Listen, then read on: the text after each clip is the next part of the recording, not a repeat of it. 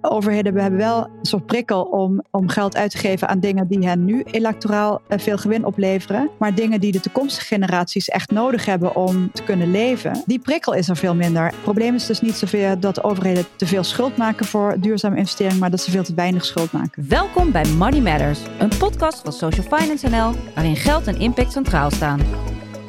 Door in gesprek te gaan met politici, investeerders, filantropen, banken, sociaal ondernemers en andere specialisten proberen we antwoord te krijgen op de vraag hoe je sociale impact het beste kunt financieren. Hi en leuk dat je weer luistert naar Money Matters. Ik ben Ruben Koekoek, Social Finance NL en vandaag als co-host... Björn Venema, ook van Social Finance NL. Hi Björn. Vandaag nemen we de luisteraar mee door het landschap van investeren in sociale impact en we kijken vooral nu naar de maatschappij als geheel en hoe de overheid kan investeren in sociale impact. De vraag vandaag die centraal staat is hoe kunnen we ervoor zorgen dat Nederland op een inclusieve en groene manier uit de coronacrisis komt.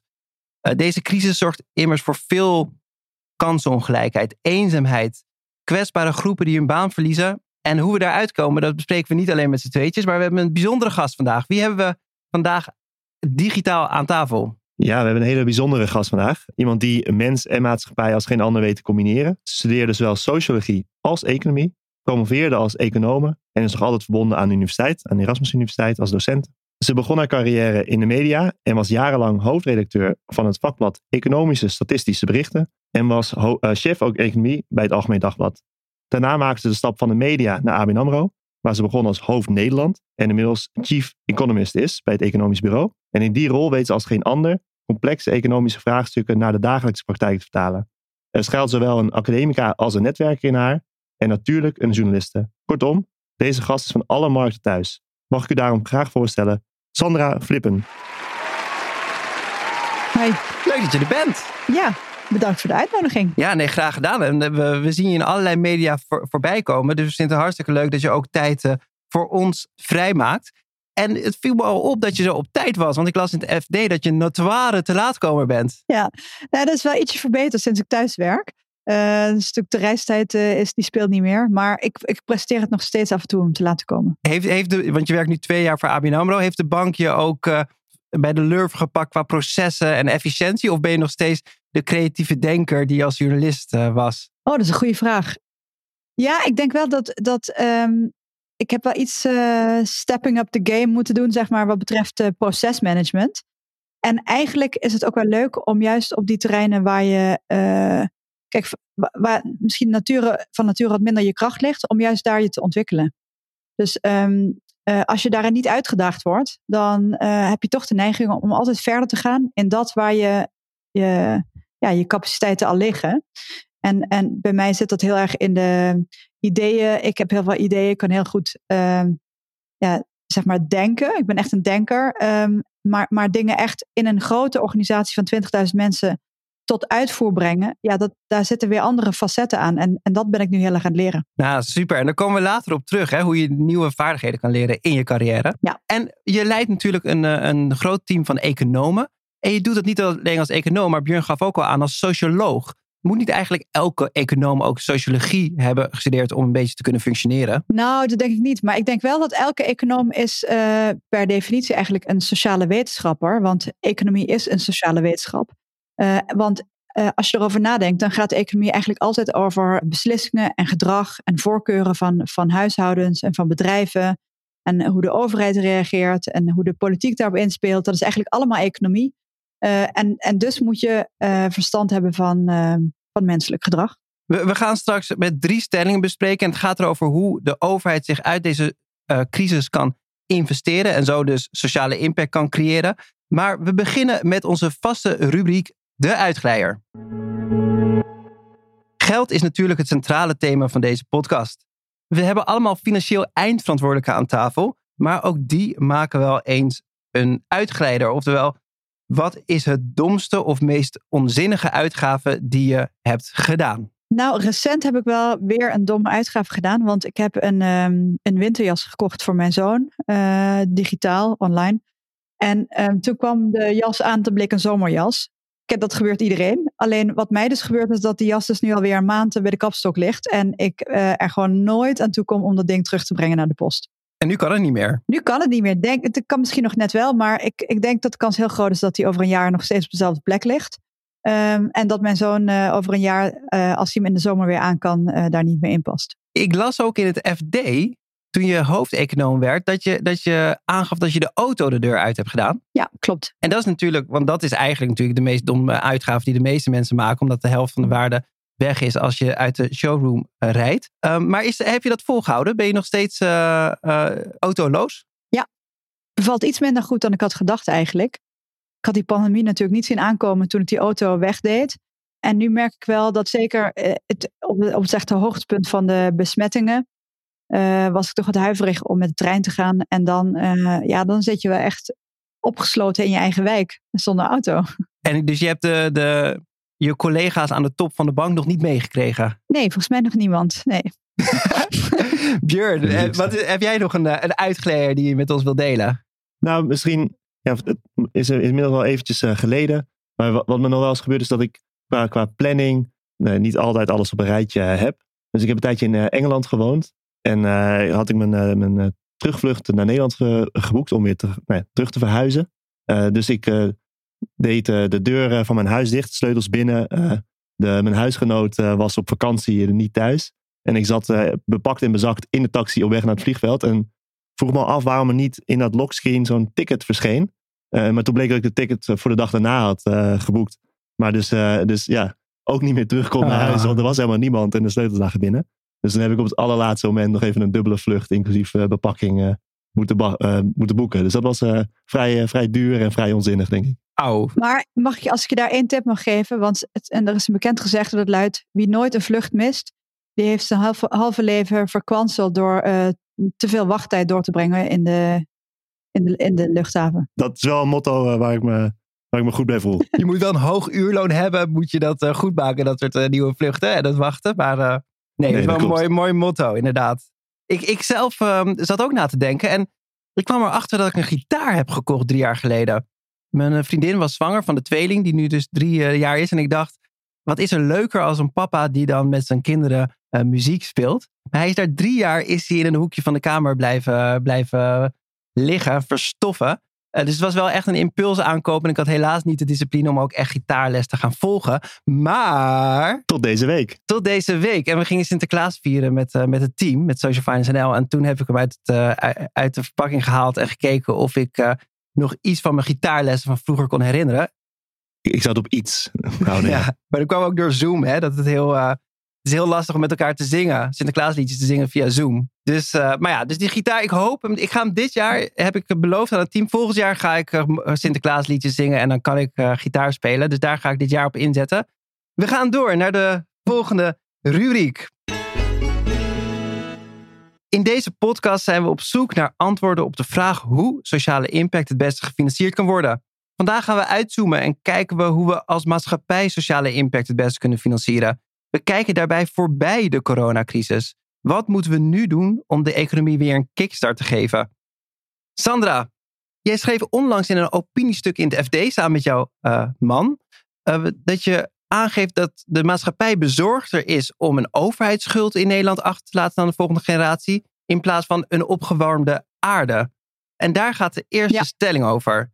De staatsschuld mag best naar 100% van het BNP groeien, als we daarmee kunnen investeren in duurzame en inclusieve groei. Eens, maar um, dat hangt niet zozeer ervan af of we dan kunnen investeren in uh, duurzame groei, maar het gaat vooral uh, over of we dan investeringen kunnen doen die uh, zoveel klimaatschade voorkomen dat de investering rendeert.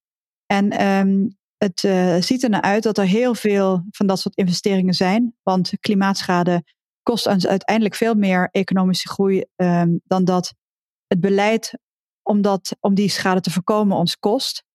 Dus het is een rendabele investering, om het maar even zo te zeggen. Uh, alleen, we zien dat um, er veel te weinig van dat soort grootschalige investeringen worden gedaan.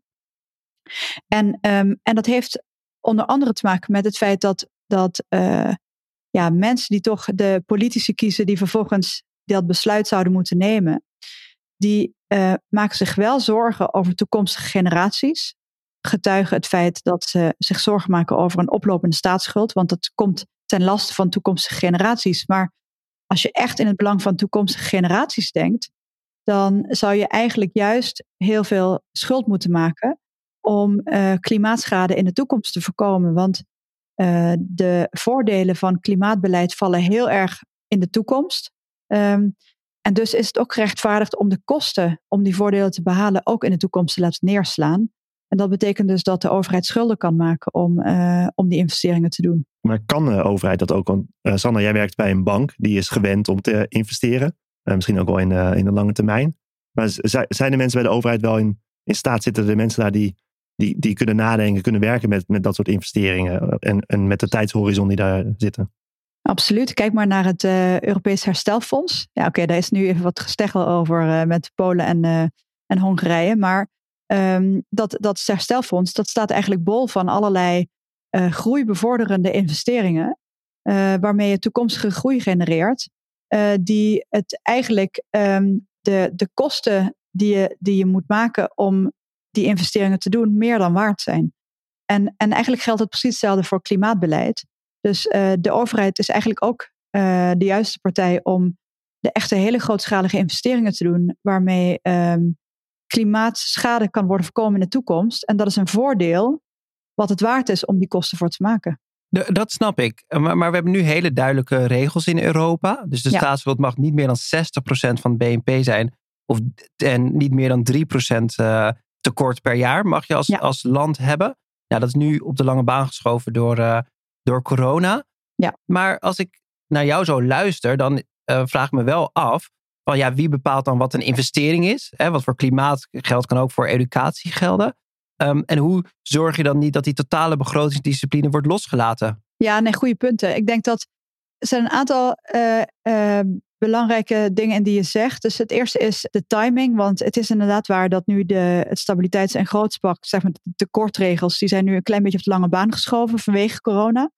En die worden straks weer opnieuw uitonderhandeld. En dat is eigenlijk een geweldige timing om uh, wat wij voorstellen is een, uh, ja, het is een beetje een ouderwets woord, maar een groene gulden financieringsregel uh, te introduceren.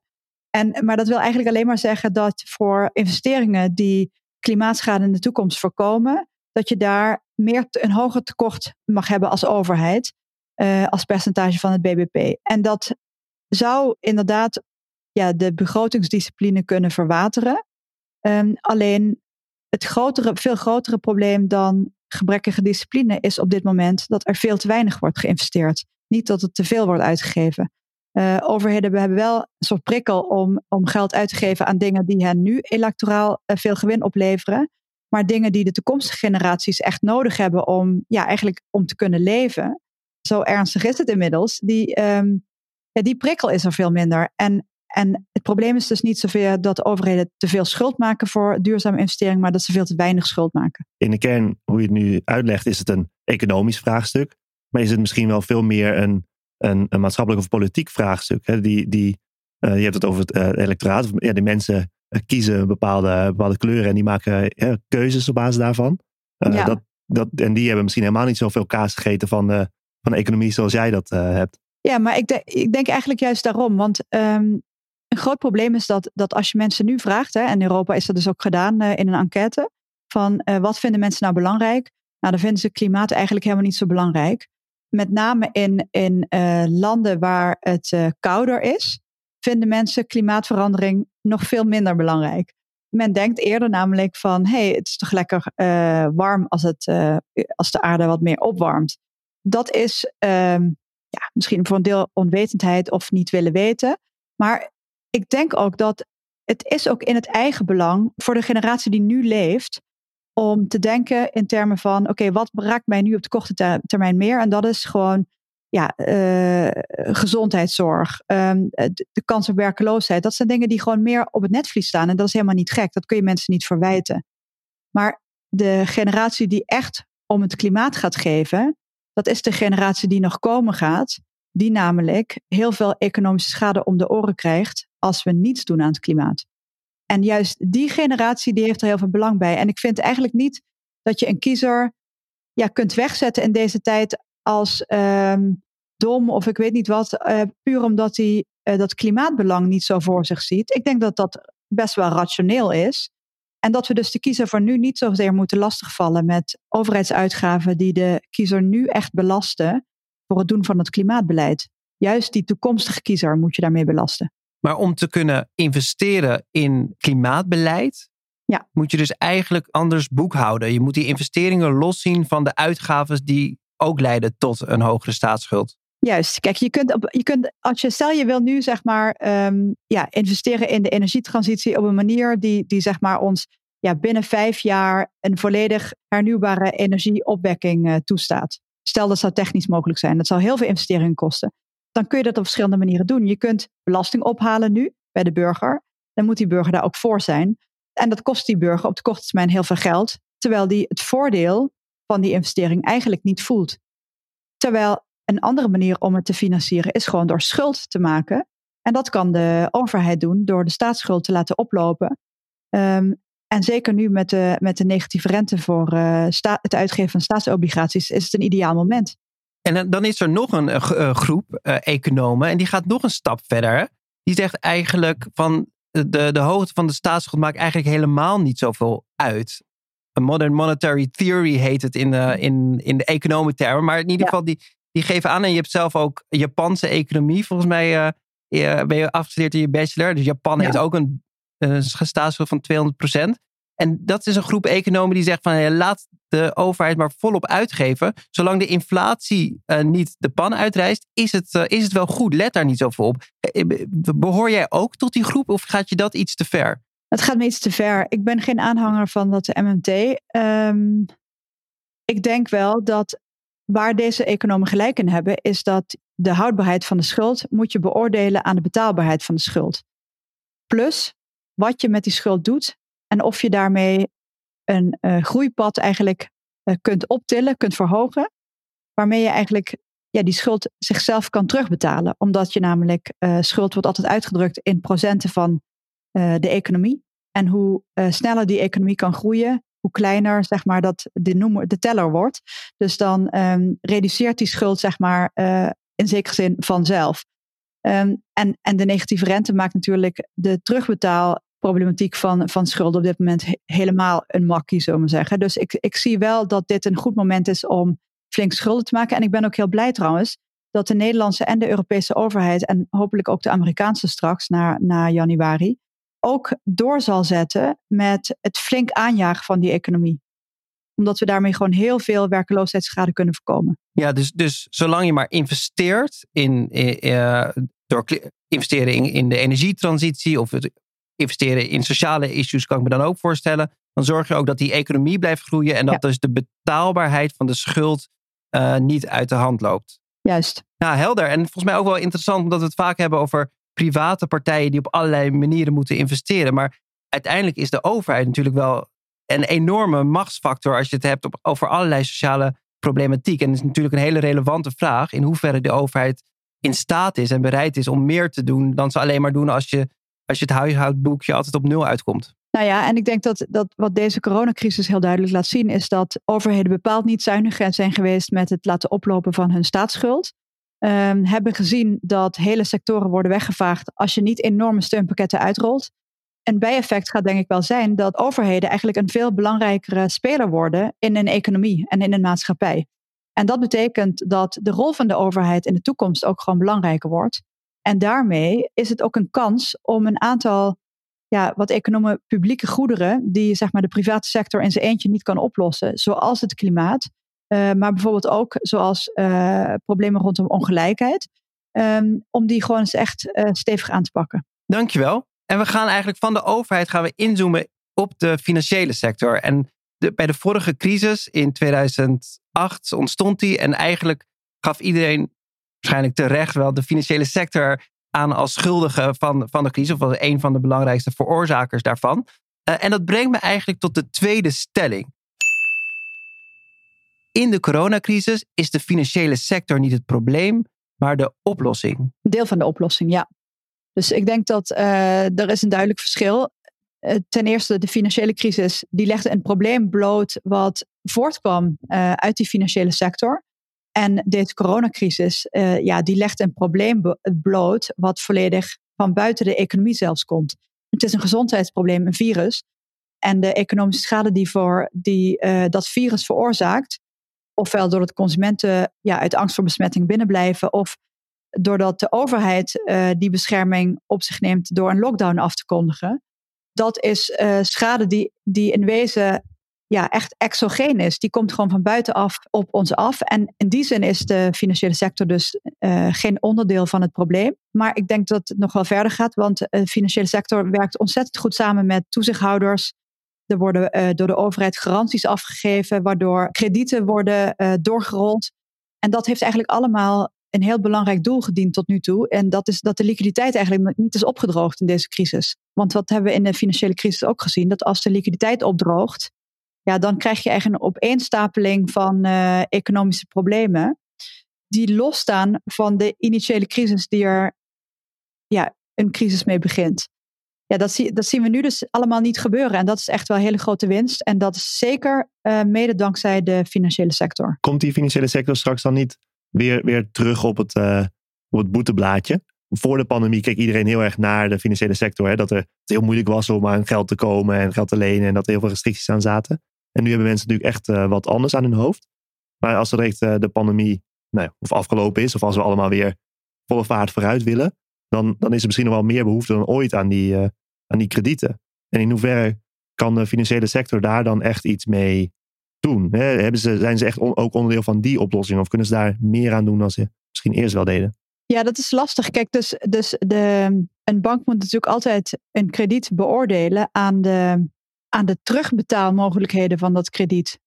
En ik weet niet over wat voor problemen je het over hebt uh, na deze crisis, maar er zullen bedrijven zijn die uh, moeten constateren aan het einde van de crisis, als de steunmaatregelen ook aflopen, dat er gewoon geen verdienmodel uh, is voor hun activiteiten. Ik denk niet dat onder die omstandigheden banken gaan besluiten om dat krediet dan door te laten lopen, eerlijk gezegd. Maar dat is ook niet de verantwoordelijkheid die een financiële sector heeft. Uh, ik denk wel dat, dat er zijn heel veel getroffen sectoren nu in de pandemie die door steun worden overeind gehouden. Waarvoor je eigenlijk nu al wel kan zeggen dat er geen enkele reden is om te veronderstellen dat hun verdienmodel niet gewoon zal terugkeren als, het, als de economie weer open kan. Denk aan de horeca. Ik denk niet dat er minder behoefte zal zijn van mensen om uh, restaurants te bezoeken. In ieder geval, dat geldt niet voor mij. Misschien nog wel groter in het begin. Ja, groter. En dat is dan wel zo dat uh, er wordt vaak gedacht dat zodra de economie opgaat, dat er dan een enorme boom uh, zal zijn. Maar ik denk dat, dat juist de uh, getroffen sectoren, sectoren zijn waarbij inhaalvraag moeilijk te genereren is. En daarmee bedoel ik dat, kijk, je kunt wel, als je de afgelopen acht maanden niet naar een restaurant bent geweest, je kan nu zeg maar vaker naar een restaurant gaan, maar je gaat niet al het restaurantbezoek van de afgelopen acht maanden inhalen bovenop je normale restaurantbezoek. Dus veel van die verloren vraag, die komt niet meer terug. En je gaf aan dat in het begin van de crisis dat de bank heel veel uitstel voor aflossing rente heeft gegeven, wat dan weer gegarandeerd deels was. Ja. We zitten nu in, in december uh, in een uh, grote tweede golf. Is dat in deze tweede golf ook mogelijk? En, en zo ja, hoe, hoe lang kan een bank daarmee doorgaan? Ja, het is zeker mogelijk, maar het is wel iets anders uh, geworden dan aan het begin van de crisis. Dus in het begin werden er uh, voor zes maanden werd er eigenlijk een soort standaard uitstel werd er verleend uh, aan iedereen. En nu is het veel meer maatwerk. Er wordt nu echt gekeken per klant van oké, wat, wat kan er nog? Uh, wat is er mogelijk? Hoe gaat ehm, het verdienmodel er waarschijnlijk na deze crisis uitzien? En op basis daarvan wordt er een afweging gemaakt.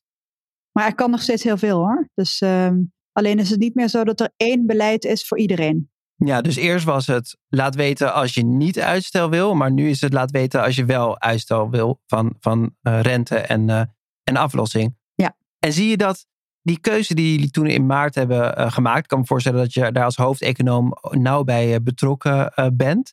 Zie je dat als een, als een afweging uit, uit eigen belang? Is dat echt in het belang van de bank? In het belang van de maatschappij? Of, of zeg je dat dat vanuit klantbelang is gedaan? Of, of loopt dat synchroon? Ik denk dat het voor een heel groot deel synchroon loopt. Dus um, als je bedenkt dat, dat deze crisis eigenlijk in een heleboel sectoren eigenlijk alle verdienmodellen overhoop haalt. En tegelijkertijd weet je dat eh, zodra er een vaccin is of een medicijn, dat een economie weer kan opengaan en dat dan het verdienmodel er gewoon weer is. Als je die logica kunt per sector kunt beredeneren en dan en je, en je realiseert je dat ook de overheid en ook uh, centrale banken alles doen om die sectoren eigenlijk er doorheen te slepen, ja, dan is het zowel in het belang van de klant als in het belang van de, van de economie en dus de maatschappij, maar ook in het belang van de bank om die klanten er doorheen te helpen. En ik denk dat, dat, ja, ik denk dat hier echt wel de neuzen dezelfde kant op stonden. Tot slot, hè, er wordt altijd in letters gesproken als het gaat om uh, economisch herstel.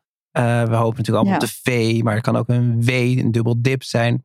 Um, of een L, een langdurige recessie. Maar er wordt steeds meer over de K besproken.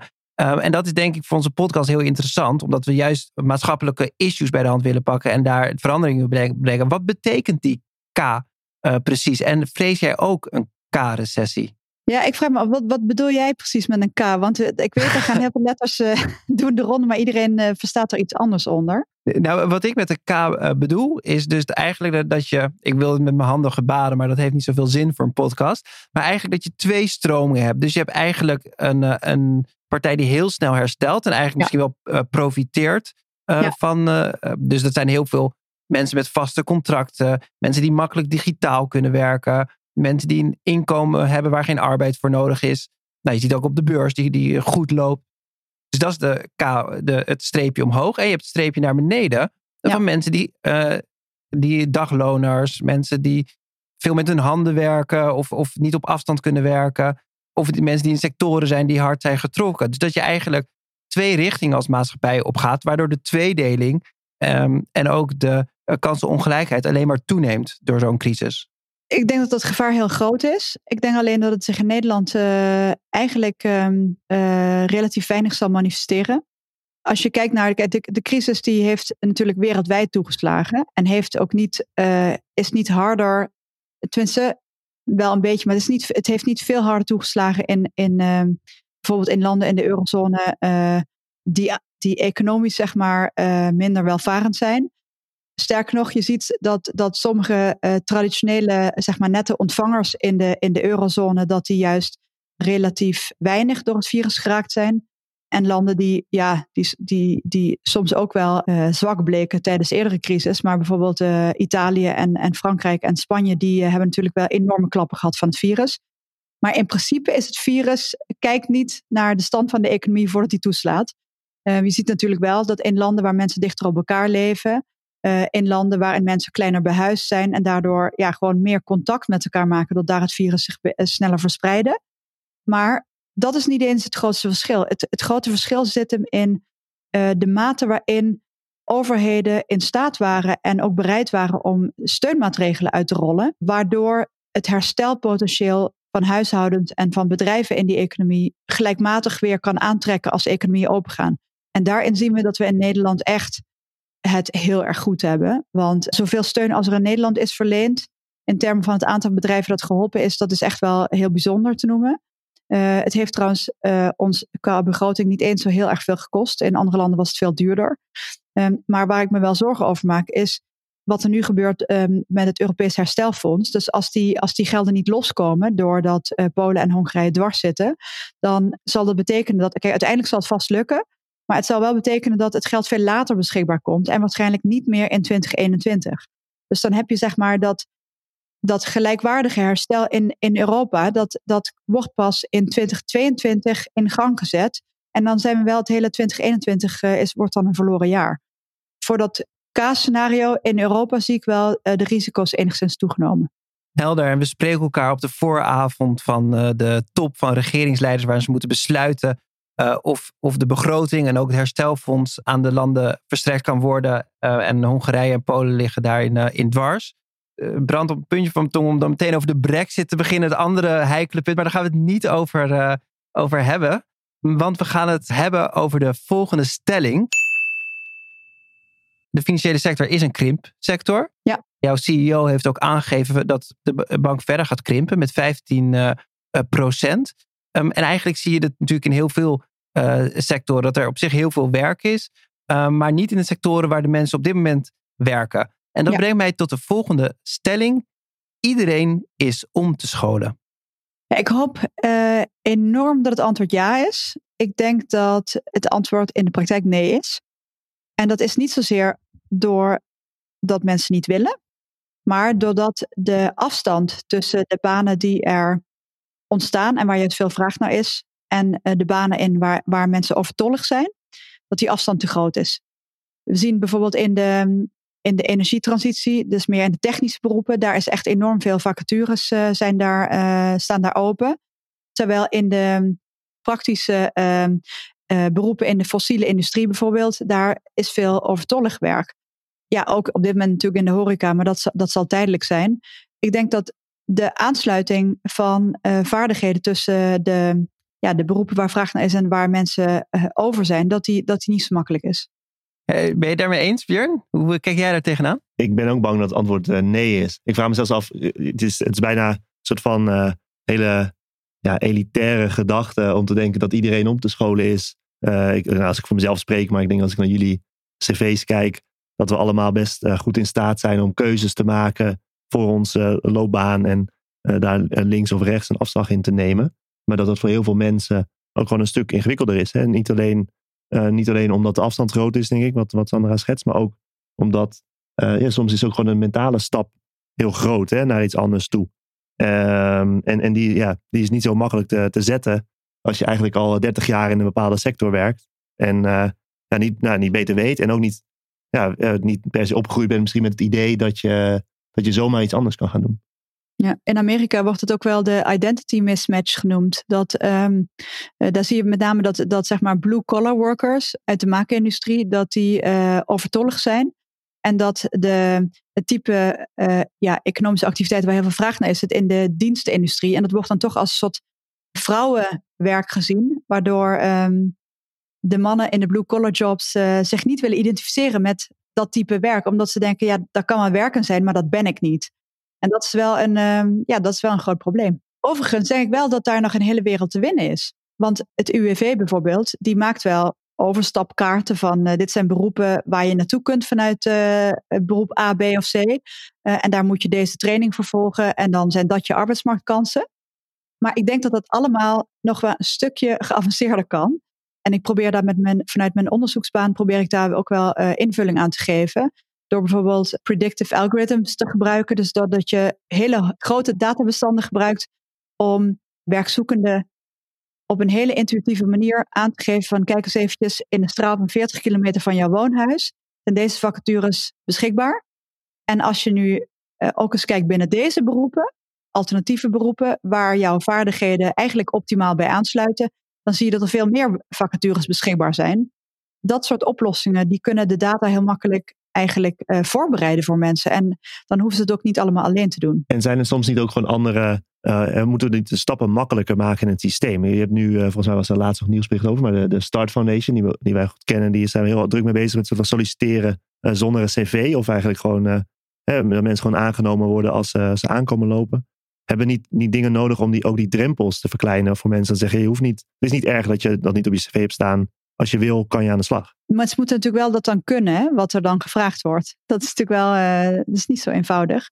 Nee, je kan ze niet dwingen om daar te komen. Maar als mensen bereid zijn om uh, daar te gaan werken, dan, dan, is, dan verdwijnt denk ik de drempel dat ze, dat ze er niet voor opgeleid zijn. Of dat ze het gevoel hebben dat dat misschien wel niet uh, te kunnen, terwijl dat in de praktijk misschien wel helemaal niet zo is.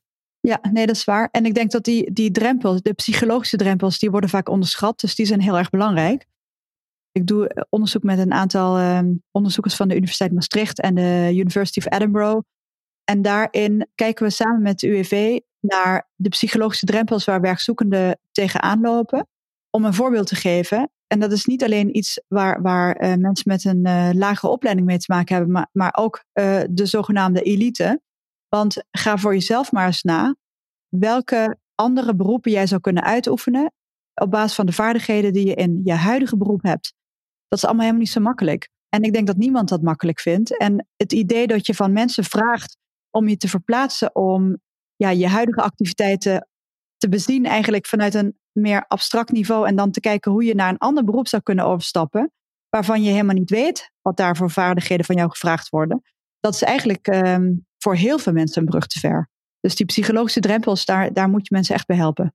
En geloof je dan, want eh, hè, over, als we het hebben over eh, financieren van sociale impact. We zien wij daar met die Social Impact Bond, waar je ook over hebt geschreven, volgens mij in het AD, zijn we heel druk bezig. Maar je in de, ook het UWV die allerlei uh, trajecten start en gemeentes die mensen uit de bijstand haalt.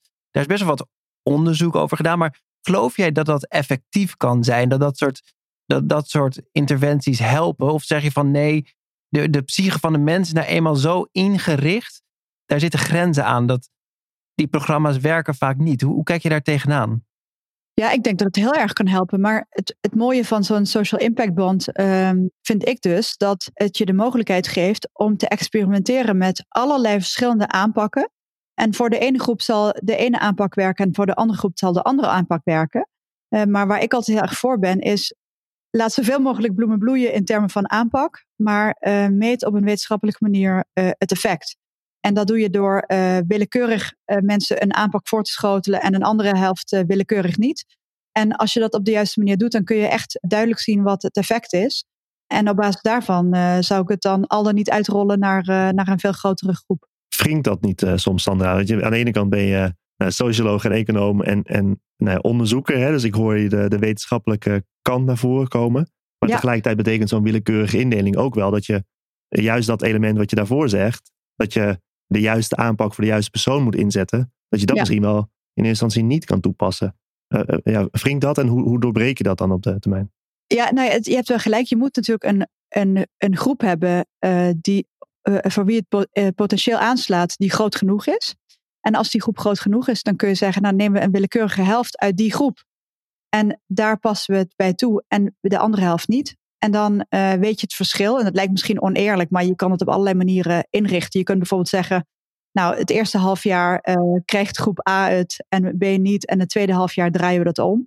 En dan heeft allebei de groepen hebben uh, eerlijke toegang tot, tot, die, ja, tot die dienstverlening of die aanpak gekregen.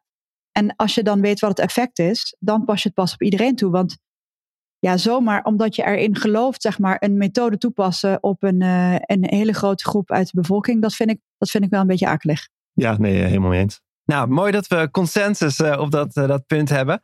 Ook goed om te horen van, um, ja, er zijn allerlei haken en ogen om mensen om te scholen, maar er zijn wel veel interventies die dat wel kunnen bereiken en ga daar vooral mee experimenteren. Ik kom daarmee bij de laatste stelling van vandaag en die luidt als volgt. In Nederland is schuldhulpverlening weggegooid geld. Ja, heftige stelling. Uh, ook uit jouw mond uh, te horen, Ruben. Ja. Hij is natuurlijk provocatief bedoeld. Ik denk dat um, als je je realiseert dat het hebben van schulden ja, eigenlijk een soort schaarste probleem is in je hoofd. Net als dat het hebben van te weinig tijd ook een schaarste probleem is in je hoofd. En we weten uit uh, nou ja, toch weer wetenschappelijk onderzoek dat wat schaarste doet met je vermogen om goede beslissingen te nemen, dan zie je dat schulden, net als tijdgebrek, dus geldgebrek of tijdgebrek, leidt tot het systematisch nemen van beslissingen die heel erg gericht zijn op dat, ja, op dat geldprobleem. En daardoor zie je dus dat mensen bijvoorbeeld, om een voorbeeld te geven, allerlei reclamekrantjes uh, gaan doorspitten op zoek naar aanbiedingen en vervolgens de hele stad doorfietsen om die aanbiedingen uh, uh, binnen te harken heel begrijpelijk en ook heel rationeel vanuit dat perspectief van dat geldprobleem. Maar als je, als je bedenkt dat je in diezelfde tijd een sollicitatiebrief had kunnen sturen voor een baan waarmee je structureel een stap verder komt, of een training had kunnen doen die de gemeente je aanbiedt, of ik weet niet wat, ja, dan, dan zijn dat eigenlijk beslissingen waarbij je mensen moet helpen. En dat doe je het beste door dat schuldprobleem te verlichten, zodat hun hoofd weer ja, zodat hun gedachten eigenlijk weer vrij zijn om verstandige beslissingen te kunnen nemen. En als bank ben je natuurlijk af en toe ook een schuld, of af en toe vaak een schuldeiser. Hoe kan je daar dan als bank op inspelen? Ja, ik denk dat, dat uh, banken daar meer kunnen doen. En zeker in de, in de komende tijd zullen we natuurlijk zien dat de werkloosheid gaat oplopen en het uh, besteedbaar inkomen van sommige groepen, inderdaad al vaak de wat kwetsbaardere groepen, dat zal achteruit gaan. En dus ligt de schuldenproblematiek enorm op de loer. Die is nu overigens al heel groot. Ik geloof zo'n 1 miljoen uh, Nederlanders hebben een uh, problematische schuld. Ja, dus ik denk dat, dat, dat banken um, daar een rol in te spelen hebben. Ja, absoluut. En zou die rol ook niet misschien wel uh, een hele andere rol voor een bank kunnen betekenen? Want je hebt natuurlijk heel veel inzicht in mensen hun betalingsgegevens, betalingsgedrag. Nou, we hadden het eerder in het gesprek even over artificial intelligence. Dan zou je als bank misschien wel niet een hele andere rol kunnen spelen door nou, problematische schulden te signaleren. Of misschien wel te signaleren voordat ze al, al uh, ontstaan en daar iets mee te doen. Ja, kijk, dus, dus vanuit, ehm, vanuit mijn positie, en dan, dan denk ik aan een, aan, een, aan een goedwillende bank die het beste met zijn klant voor heeft, uh, zou dat best wel tot goede oplossingen kunnen leiden. Ik kan me alleen wel voorstellen dat er ook klanten zullen zijn die zeggen: waar bemoei je je mee, bank? Is dat wel jouw rol? Ik zie niet dat uh, het de rol is van een bank of van, van een andere private instellingen om, ja, puur omdat je de informatie hebt, om die te gebruiken, uh, ook al is het voor het bereiken van een goed doel. Ik denk dat je daar voorzichtig mee moet zijn. Maar hoe, hoe doorbreek je die cyclus dan? Want uh, nou, wat je zegt, de schulden liggen op de loer. nu ja. nog misschien wel meer dan ooit. Of meer dan de afgelopen periode. Eigenlijk wil je, wil je daar een soort van knip uh, doorheen zetten. Hè? Je wil die cyclus doorbreken. Ik zou zelf eerder denken aan, aan in mijn ogen nog wat laaghangende fruit, zeg maar, dat je probeert om. Kijk, mensen hebben een initiële schuld, bijvoorbeeld voor uh, te hard rijden of zeg maar, een boete die nog, wel, die nog wel behapbaar is. Kan ook al flink hoog zijn. Maar dan komen alle incassokosten en alle schuldeiserskosten, die komen daar bovenop. Uh, vaak niet in de laatste plaats geheft, geheven door de overheid zelf. Dat we daar eerst eens naar kijken om te zorgen dat ja, een initiële boete niet ja, tot disproportionele hoogtes uh, doorstijgt. Kan je ook als, als, want je gaf net aan hè, dat er onderzoek is dat je eigenlijk door stress kan je eigenlijk niet de juiste beslissingen maken om uit de uh, schuldenproblematiek te komen. Kan je dan ook niet op een andere manier je klanten benaderen? Of kan je niet zorgen dat die stress minder wordt als, uh, als bank? Ja, ik vind dat dus heel interessant. Ik heb daar ook wel ideeën over, maar um, die zijn nog niet zo ver dat ik daar iets over kan zeggen, helaas. Maar um, wij kijken wel met de afdeling uh, betalingsachterstanden. Want er is al allerlei beleid. De bank heeft al een, een hele afdeling betalingsachterstanden waarbij met de klant wordt gekeken van uh, wat is de beste benadering om, om die achterstanden uh, onder controle te krijgen. En dat is natuurlijk zowel in het belang van de klant als van de bank zelf. Maar daar is op zich ook niks mis mee. Maar um, ik denk dat het bijvoorbeeld belangrijk is om daar ook structureel te gaan meten hoe het welzijn van een klant zich ontwikkelt. En als je dat structureel begint te meten, dan uh, kun je ook gaan evalueren van oké, dit beleid hebben we als bank op klanten met betalingsachterstanden. Hoe kunnen we nou een beleid uitkiezen uit deze verschillende mogelijkheden, waarbij ook het welzijn van die klant zo hoog mogelijk wordt uh, gehouden? Is dat niet waanzinnig complex? Want je hebt, uh, nou, je had het net over het bijhouden van het betalingsgedrag, waarvan je denk ik terecht ook zei van, nou ja, misschien vinden heel veel klanten daar wel van uh, dat, ze, dat bank zich iets te veel gaat bemoeien met ze. Uh, ja. Maar dat gaat nog over de, de, de rol van de bank zelf. Nu heb je het over het meten van welzijn bij, uh, bij klanten. Ja. ja. Wordt dat dan niet heel ingewikkeld? Nee, de, de bank meet al op heel veel verschillende terreinen en facetten hoe het met het welzijn van de klant staat. Hoe tevreden is een klant? Ja, hoe, hoe staat hij in het leven? Er worden allerlei enquêtes afgenomen bij klanten. Dus um, ik denk dat we daar eigenlijk al heel veel informatie hebben. Dus het kan eigenlijk al met, eh, met de informatie die jullie nu hebben. Ja. Sandra, we hebben het gehad over hoe we ons als overheid uit deze crisis kunnen investeren. En we hebben de rol van de financiële sector uh, onderzocht. En toen hebben we twee prangende maatschappelijke issues eruit gepakt, namelijk omscholing en schuldhulpverlening. Zoals je weet, over een paar maanden zijn de verkiezingen in aantocht. Stel, je mag daar aanschuiven aan de formatietafel. Wat zou je de onderhandelaars mee willen geven? Wat is jouw allerbelangrijkste punt wat je op tafel wil leggen? Ja, ik denk dat het belangrijkste misschien toch wel ligt in. Ik probeer te zoeken naar iets wat, wat uh, concreet is en ook waar een oplossing denk ik wel haalbaar is maar waar ook een groter maatschappelijk vraagstuk achter ligt. En dan denk ik dat ik toch op de arbeidsmarkt uitkom. Want uh, de arbeidsmarkt in Nederland, ik weet niet of, of de podcastluisteraars dat weten, dat is de meest gepolariseerde arbeidsmarkt ter wereld. Dus uh, de OESO, e de denktank van uh, welvarende landen, die heeft op een rij gezet wat het verschil in arbeidszekerheid is tussen het vaste contract en een flexibel contract in een land.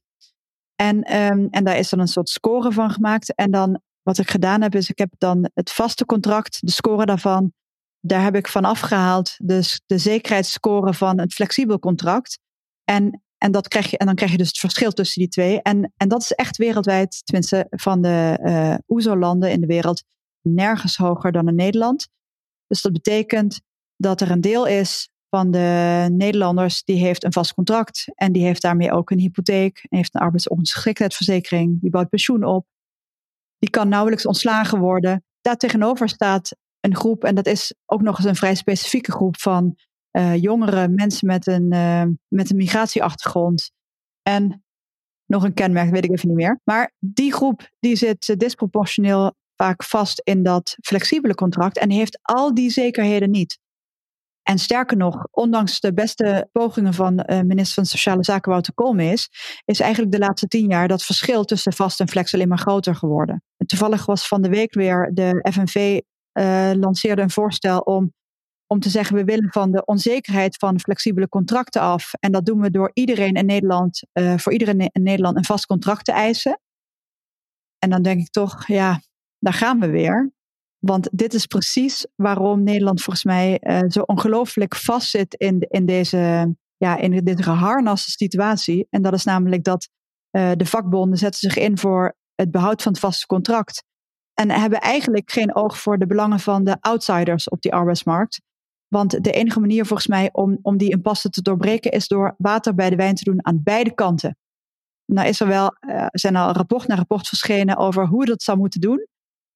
Alleen, ik zou de formatie heel graag ja, toch willen, willen aanmoedigen om naar een van die rapporten te kijken en gewoon een van die uh, adviezen nog eens een keer te gaan bespreken. En te kijken hoe je die tweedeling uh, meer bij elkaar brengt.